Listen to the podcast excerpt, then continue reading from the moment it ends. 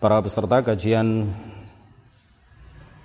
kitab Matan Jauharatul Tauhid baik yang luring maupun yang daring, yang online maupun yang offline yang mudah-mudahan ditinggikan derajatnya oleh Allah Subhanahu wa taala. Kita telah sampai pada bait nazam yang ke-9 dan ke-10 insyaallah kalau ada waktu nanti. قال المؤلف رحمه الله تعالى ونفعنا به وبعلومه وأمدنا بأمداده وأفاض علينا من بركاته. آمين. فكل من كلف شرعا وجب عليه أن يعرف ما قد وجب لله والجائز والممتنع ومثل ذا لرسله فاستمعا Fakullu man kullifa maka setiap orang yang sudah memenuhi kriteria sebagai mukallaf syar'an secara hukum syara' wajaba. Maka wajib alaihi atasnya. Ayya'rifa untuk mengetahui ma qad wajaba ma apa yang telah tetap ma qad wajaba apa yang telah tetap lillahi bagi Allah wal jaiza dan sifat jaiz wal mumtani'a dan sifat mustahil wa mithladha dan begitu juga liruslihi sifat para rasulnya atau sifat para nabinya. Fastami'a maka dengarkanlah dengan penuh seksama. Fa kullu man kullifa syar'an wajaba alaihi an ya'rifa ma qad wajaba lillahi wal jaiza wal mumtani'a wa mithla dhali ruslihi fastami'a. Fa kullu man kullifa maka setiap orang yang sudah memenuhi kriteria sebagai mukallaf syara'an dalam hukum syara atau secara syara. Mukallaf itu adalah orang yang memenuhi tiga kriteria. Yang pertama adalah balik, yang kedua berakal, yang ketiga telah sampai kepadanya dakwah Islam. Balik sebagaimana sudah kita kaji dulu waktu penjelasan tentang eh, kajian tentang kitab Aqidatul Awam. Baliknya laki-laki diketahui dari salah satu dua hal. Salah satu dua hal. Keluar mani atau apa? Umurnya telah genap 15 tahun Hijriah. Perempuan? Baliknya perempuan diketahui dari salah satu tiga hal tiga tanda. Keluar mani atau keluar darah haid atau genap berusia 15 tahun Hijriah. Ini yang sering salah sangka, sering salah anggapan. Kitabnya itu jelas dalam masalah batas minimal usia baik laki-laki maupun perempuan, baik anak laki-laki maupun perempuan dalam masalah balik itu sama, 15 tahun Hijriah. Kadang ada orang menganggap kalau anak perempuan usia 9 tahun dia sudah balik meskipun belum keluar darah haid. Nah, ini yang salah paham. Ya. Jadi kalau seorang perempuan belum keluar darah haid, belum keluar mani, maka batas minimal usianya untuk disebut sebagai balik itu berapa tahun? Genap 15 tahun Hijriah, bukan masuk 15 tahun, genap 15 tahun Hijriah. Begitu juga laki-laki sama, kalau belum keluar air mani, maka batas minimal usianya adalah genap berusia 15 tahun Qamariyah atau 15 tahun Hijriah keluar mani atau belum keluar mani kalau usianya sudah genap 15 tahun Hijriah balik. Keluar darah haid, belum keluar darah haid. Ah, salah ya. Belum maksud saya. Terbalik tadi. Jadi kalau belum keluar mani, belum keluar mani, kemudian usianya sudah 15 tahun, usianya sudah 15 tahun, belum keluar mani, maka dia sudah sudah balik. Itu maksud saya ya. Kalau anak perempuan belum keluar darah haid, belum keluar mani, tapi usianya sudah genap 15 tahun Hijriah, maka dia sudah dikatakan balik. Tapi kalau belum keluar mani, belum keluar darah haid, usia 9 tahun. Seorang anak perempuan belum keluar darah haid, belum keluar air mani, usia 9 tahun. Belum belum balik. Ini yang beberapa orang salah paham, padahal kitabnya jelas ya. Jadi yang 9 tahun itu apa? Usia minimal seorang perempuan dimungkinkan bagi dia keluar darah darah haid. Begitu juga keluar air mani. Jadi kalau usia 8 tahun keluar darah keluar darah, maka tidak otomatis tidak bisa disebut sebagai darah darah haid. Paham ya? Atau para ulama mengatakan usia 9 tahun kurang dari 16 hari, kurang dari 16 hari.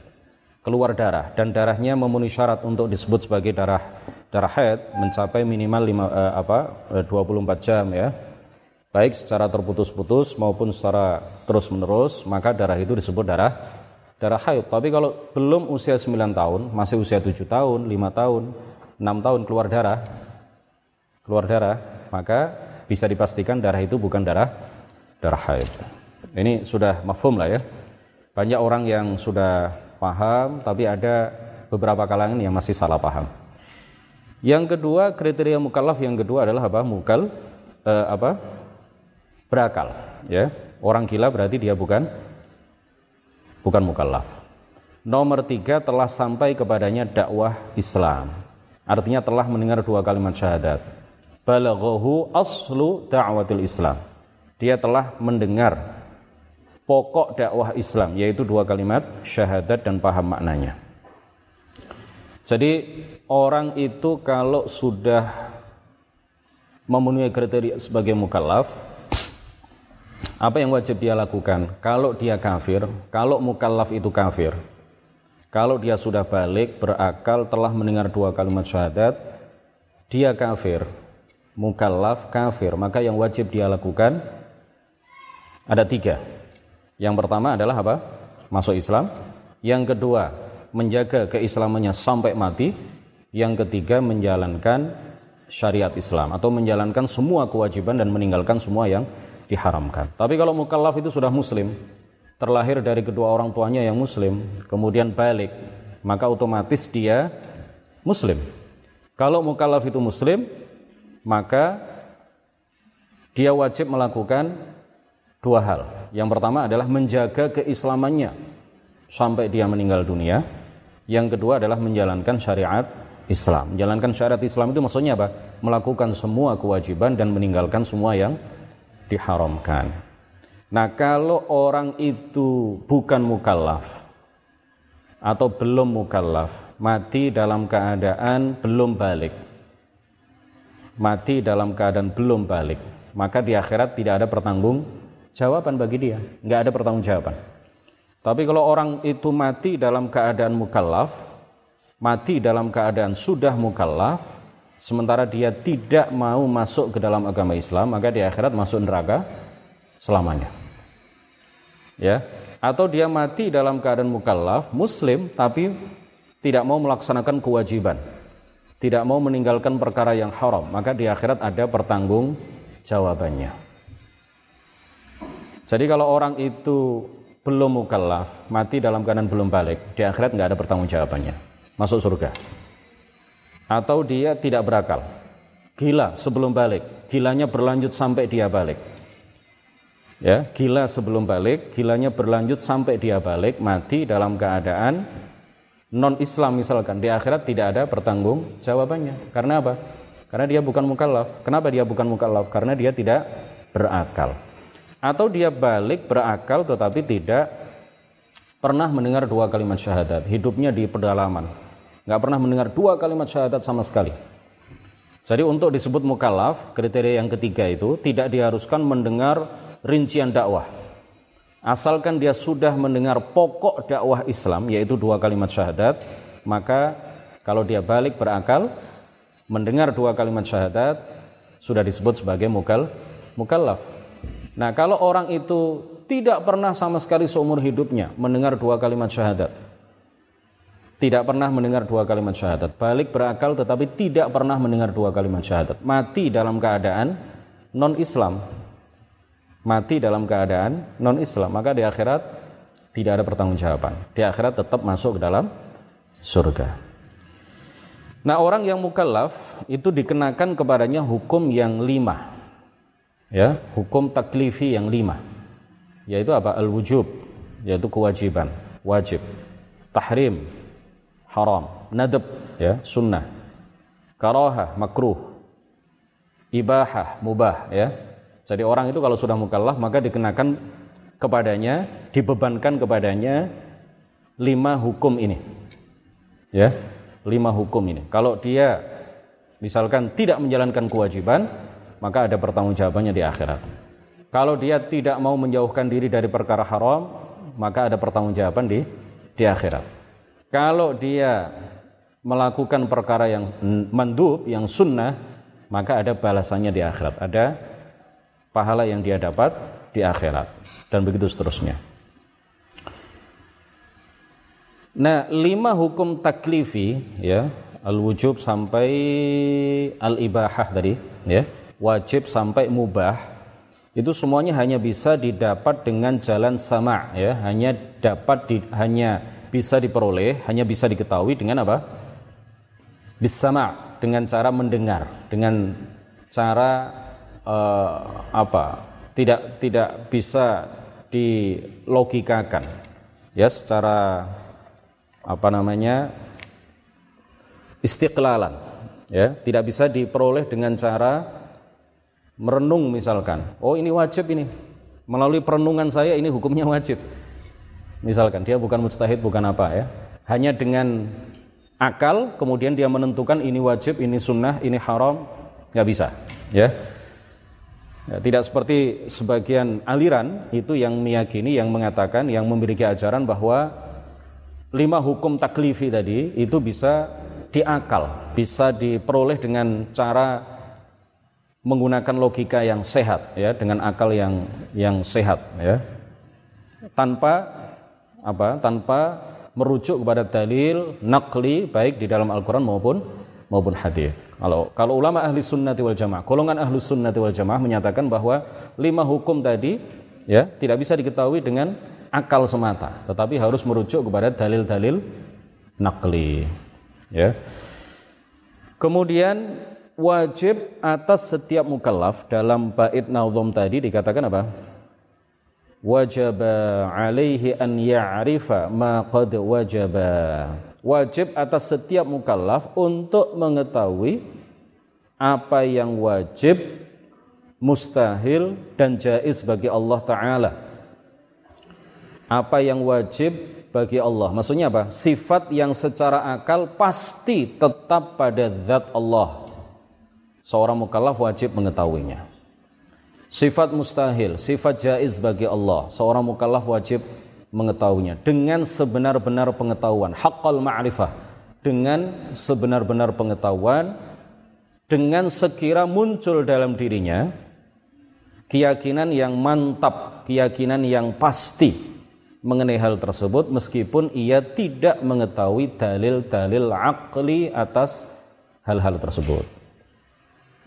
Jadi mengetahui Allah itu artinya apa? Mengetahui Allah itu artinya adalah mengetahui sifat-sifat wajib, sifat-sifat mustahil, sifat jaiz bagi Allah bukan dengan mengetahui dengan pengetahuan yang e, menyeluruh ya.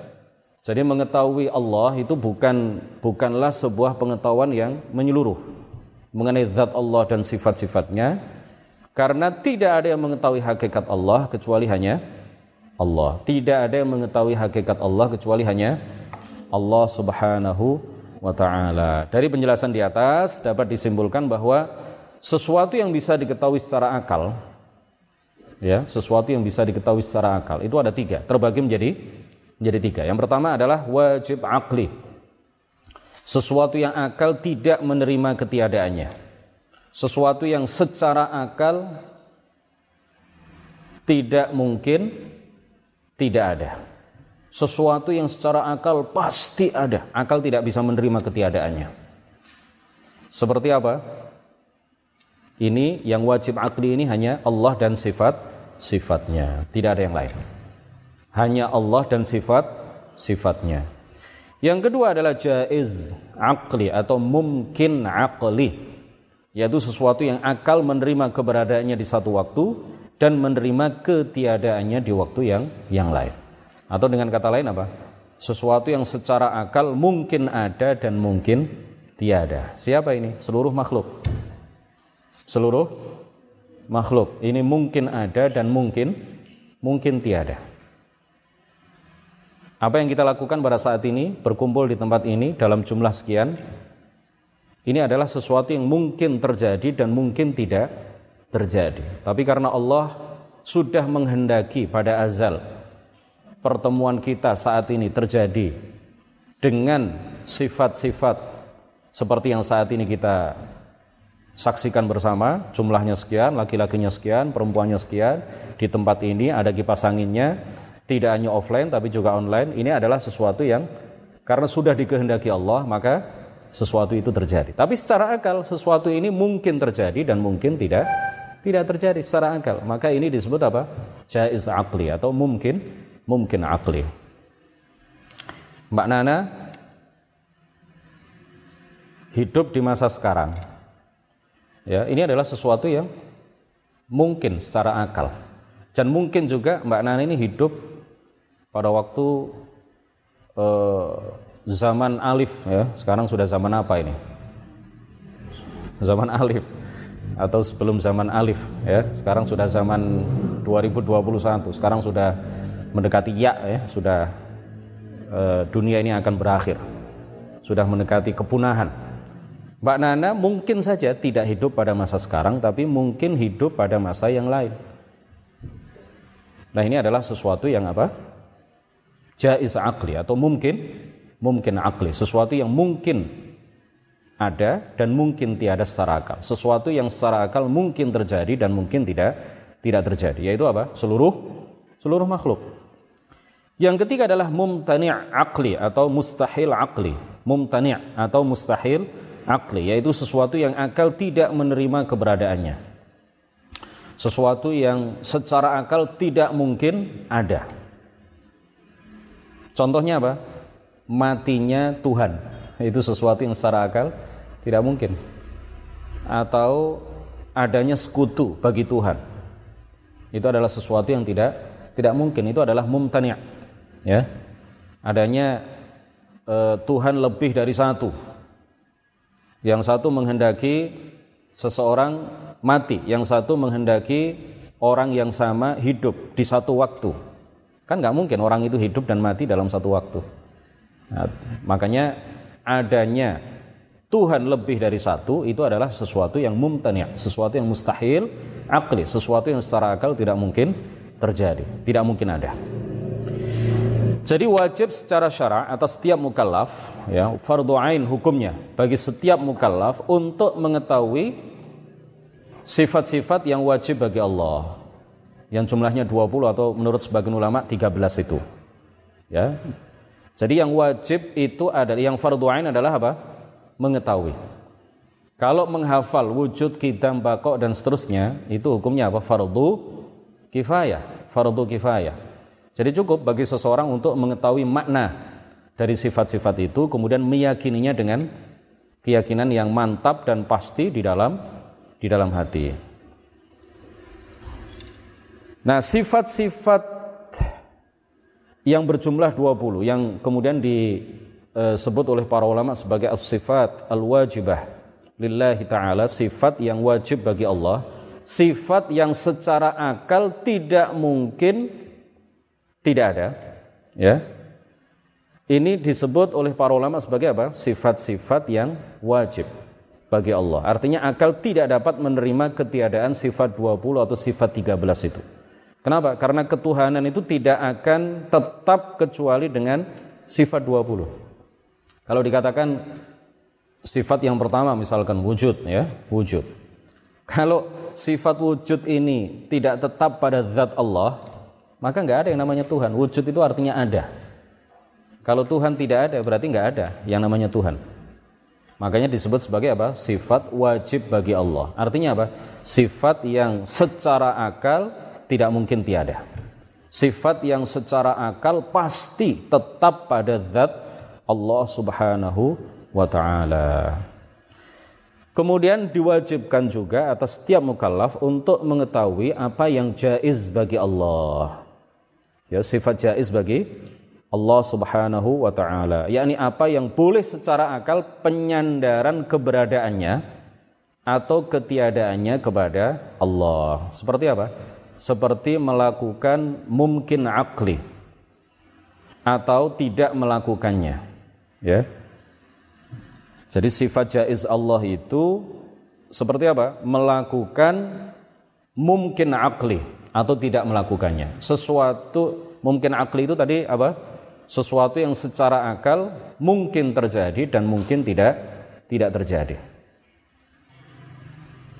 Nah, itu uh, sifat jaiz bagi Allah Subhanahu wa taala.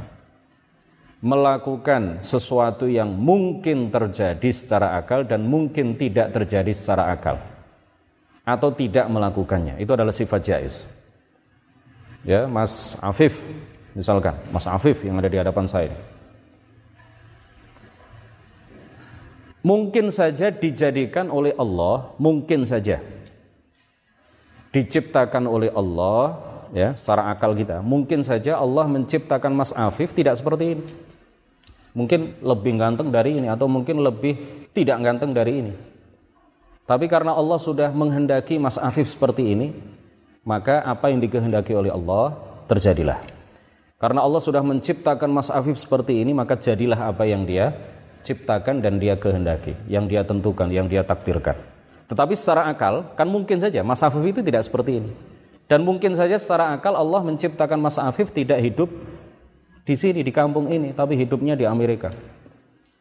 Mungkin saja Allah menciptakan dan menghendaki Mas Afif ini tidak berteman dengan kalian, tapi berteman dengan para presiden, berteman dengan para perdana menteri, berteman dengan para pengusaha. Mungkin saja.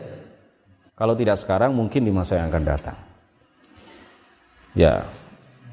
Allah melakukan sesuatu yang secara akal mungkin terjadi dan mungkin tidak terjadi atau tidak melakukannya inilah yang disebut dengan sifat jaiz bagi Allah Subhanahu wa taala. Kemudian juga diwajibkan atas setiap mukallaf untuk mengetahui apa yang mustahil secara akal atas Allah Subhanahu wa taala yang berupa sifat-sifat yang menunjukkan kekurangan. Seperti apa? Jismiyah. Ya. Eh, berupa apa? Benda yang tersusun dari bagian-bagian. Ini adalah sesuatu yang mustahil bagi Allah. Mustahil bagi Allah itu berupa benda yang tersusun dari bagian-bagian. Karena benda jisim yang tersusun dari bagian-bagian itu pasti adalah makhluk. Pasti membutuhkan kepada yang menjadikannya dalam bentuk tertentu, dalam sifat tertentu. Dan sesuatu yang membutuhkan kepada yang lain berarti dia lemah. Dan setiap yang lemah tidak mungkin dia Tuhan. Nah, oleh karena itu, tidak mungkin Allah itu berupa jisim, tidak mungkin Allah itu berupa benda yang tersusun dari bagian-bagian. Begitu juga lawazim al-jism. Ya, lawazim al-jism yang berupa apa? Sifat bertempat misalkan. Jadi kalau dikatakan bahwa Allah itu benda, itu lawazimnya apa? Lazimnya apa? E, apa ya lawazim itu ya? Konsekuensi dari ucapan itu apa? Konsekuen, konsekuensinya adalah keyakinan bahwa Allah itu bertempat, bahwa Allah itu berbentuk. Jadi kalau orang itu mengatakan Allah adalah benda, maka konsekuensinya apa? Konsekuensi dari ucapannya itu apa? Meniscayakan keyakinan lain ya yang juga tidak layak disifatkan kepada Allah. Kalau orang itu meyakini bahwa Allah benda, berarti dia juga meyakini bahwa Allah itu bertempat, bahwa Allah itu berarah, bahwa Allah itu berbentuk dan seterusnya. Bahwa Allah itu memiliki anggota badan dan seterusnya. Itu namanya lawazim ya atau lazim. Jadi kalau kita mengatakan kalau kita mengatakan misalkan dalam bahasa kita sehari-hari Pak fulan sedang menyuruh tukang membangun plafon. Nah, itu artinya apa? Sebelumnya, lazimnya, lazimnya, lawazimnya, ya, sebelum itu berarti Pak tukang ini sudah mengerjakan hal-hal lain seperti apa? Sudah ada pondasinya, sudah ada tiangnya, sudah ada dindingnya, kan nggak mungkin plafon saja tanpa bangunan di bawahnya kan. Jadi kalau dikatakan membangun plafon atau memasang plafon itu artinya apa? Berarti lazimnya ya hal itu meniscayakan apa? Sebelumnya sudah dikerjakan hal-hal yang yang lain. Itu namanya lawazim. Jadi kalau orang itu meyakini bahwa Allah itu adalah sebuah benda yang tersusun dari bagian-bagian, maka itu artinya dia juga meyakini lawazimnya. Apa itu?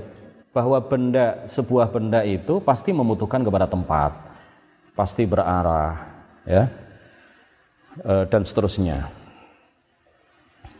Bergerak, diam, berwarna, berbentuk, ya, naudzubillah, berukuran, Kemudian juga Allah mustahil baginya memiliki sifat-sifat seperti sifat menyentuh, bersuara, bersuara, ya, berkalam dengan e, rupa suara, kemudian bereaksi, memiliki sifat reaksi, memiliki indera, merasakan enak, merasakan sakit, tersinggung, marah, bisa membau, mencicipi, senang, dan lain sebagainya. Begitu juga mustahil bagi Allah sifat bosan, sifat lemah, sifat mengingkari janji, sifat berubah, tidur, mengantuk, dan lain sebagainya. Ini semuanya adalah sifat-sifat yang menunjukkan kelemahan, sifat-sifat yang menunjukkan kekurangan. Dan itu semuanya adalah mustahil bagi Allah Subhanahu wa taala. Kemudian yang terakhir diwajibkan juga atas setiap mukallaf untuk mengetahui secara fardu ain sifat-sifat wajib bagi para nabi. Seperti jujur, amanah, tabligh, fatonah, cerdas.